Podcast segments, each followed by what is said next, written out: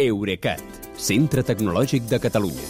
Innovant amb les empreses. Innovant amb tu. Albert Cuesta, bona nit. Bona nit, Kilian.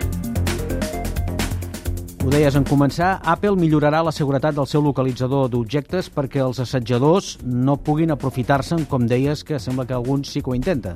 Sí, aviam, cada vegada són més populars aquests dispositius que els haureu vist. Tenen forma de botó o de medalló que el pots enganxar o posar dins d'un objecte que vulguis tenir localitzat amb una aplicació mòbil que pot ser una motxilla, una bicicleta, una bossa de mà. El problema és que hi ha desaprensius que els pretenen fer-lo servir per rastrejar altres persones sense que elles ho sàpiguen. I, de fet, ja s'han donat casos d'assetjadors que espien la seva exparella posant-hi un dels seus d'aquests localitzadors a la bossa en un moment de distracció. Doncs per evitar-ho, Apple ha fet unes quantes millores amb l'aplicació que es fa servir per trobar els localitzadors, que es diuen AirTag. D'entrada, eh, l'iPhone t'avisa quan detecta que hi ha un AirTag no vinculat al teu perfil d'usuari que sembla que es desplaça amb tu. Eh, en aquest cas, podràs trobar-lo encara que estigui amagat, fent-lo sonar o buscant-lo amb, amb la localització de precisió dels models a partir de l'iPhone 11. Fins i tot hi ha una aplicació d'Apple pels mòbils Android que fa la mateixa funció. Vull dir que encara que et posin un catxarro d'Apple a la bossa, eh, mm. si tu tens un mòbil Android t'avisarà, mm -hmm. si no és teu. Una altra novetat és que quan vincules l'AirTag al teu perfil per primera vegada, en aquest cas seria el de l'assetjador, diguéssim, el telèfon li ensenya un missatge recordant-li que el dispositiu només es pot fer servir per rastrejar les pertinences pròpies, que a molts llocs del món és delicte rastrejar altres persones sense que ho sàpiguen, i que està previst que l'ERTAC avisi la víctima i, a més a més, que el sistema disposa per prou, de prou informació per identificar el propietari del localitzador si les autoritats li demanen a Apple. I amb això faríem? Faríem prou? Aviam, la veritat és que infal·lible no és, perquè l'assetjador sempre es podria crear un perfil d'Apple amb una identitat falsa que no el puguin rastrejar amb ell, diguéssim. Yeah però també és veritat que moltíssima gent no sabrà com fer-ho, això. Uh, a mi, de tot plegat, el que també em crida l'atenció és aquesta bona disposició, disposició d'Apple a facilitar a la policia informació dels seus clients per molt sospitosos que siguin d'assetjar algú. Uh, vull dir que suposo que serà uh, amb un manament judicial pel mig.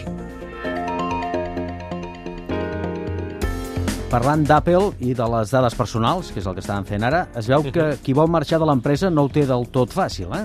Eh, doncs es veu que no. El Washington Post explica que dins d'Apple eh, són, o amb altres empreses també, eh, són molt importants les categories professionals. Eh, o sigui, no és el mateix un auxiliar de màrqueting que un doctor que investiga amb xips o amb intel·ligència artificial. Però resulta que quan algú marxa d'Apple, l'empresa sempre el degrada administrativament i el, i el tracta, el considera exempleat associat als arxius.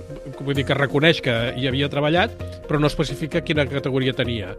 I això eh, és un, és un inconvenient quan busques feina en una altra empresa, perquè molts departaments de personal, si més no als Estats Units, consulten bases de dades, que jo no sabia que existissin, per verificar els currículums dels aspirants i aquests no poden acreditar quina categoria tenien a Apple, fins al punt que hi ha una enginyera de software que els ha demandat perquè va perdre una oportunitat laboral per culpa d'això. L'empresa no s'ho creia, diguéssim. Uh -huh. uh, aquest cas a mi me'n recorda un altre que també està relacionat amb el secretisme d'Apple, que és la dificultat que té per fitxar investigadors o investigadores, avui que som el dia de les dones a la ciència, uh, si tenen un cert nivell. Es veu que n'hi ha molts o moltes que no volen anar-hi a treballar perquè l'empresa és molt més estricta que d'altres quan vols difondre el treball de recerca que hi fas publicant en revistes científiques o fent ponències en congressos. Suposo que Apple ho deu fer per no donar pistes sobre els seus futurs productes, però és que els científics i les científiques depenen d'aquesta difusió per guanyar reconeixement amb el seu camp. Sí, més no, i com a mínim que els paguin prou bé com per no voler canviar mai d'empresa, diguem. Ah, aquesta suposo que és la idea, sí. Molt bé. Bon cap de setmana i que vagi molt bé. Uh, fins dilluns, Kilian. Visca la ràdio. Visca. Eurecat, centre tecnològic de Catalunya. Innovant amb les empreses. Innovant amb tu.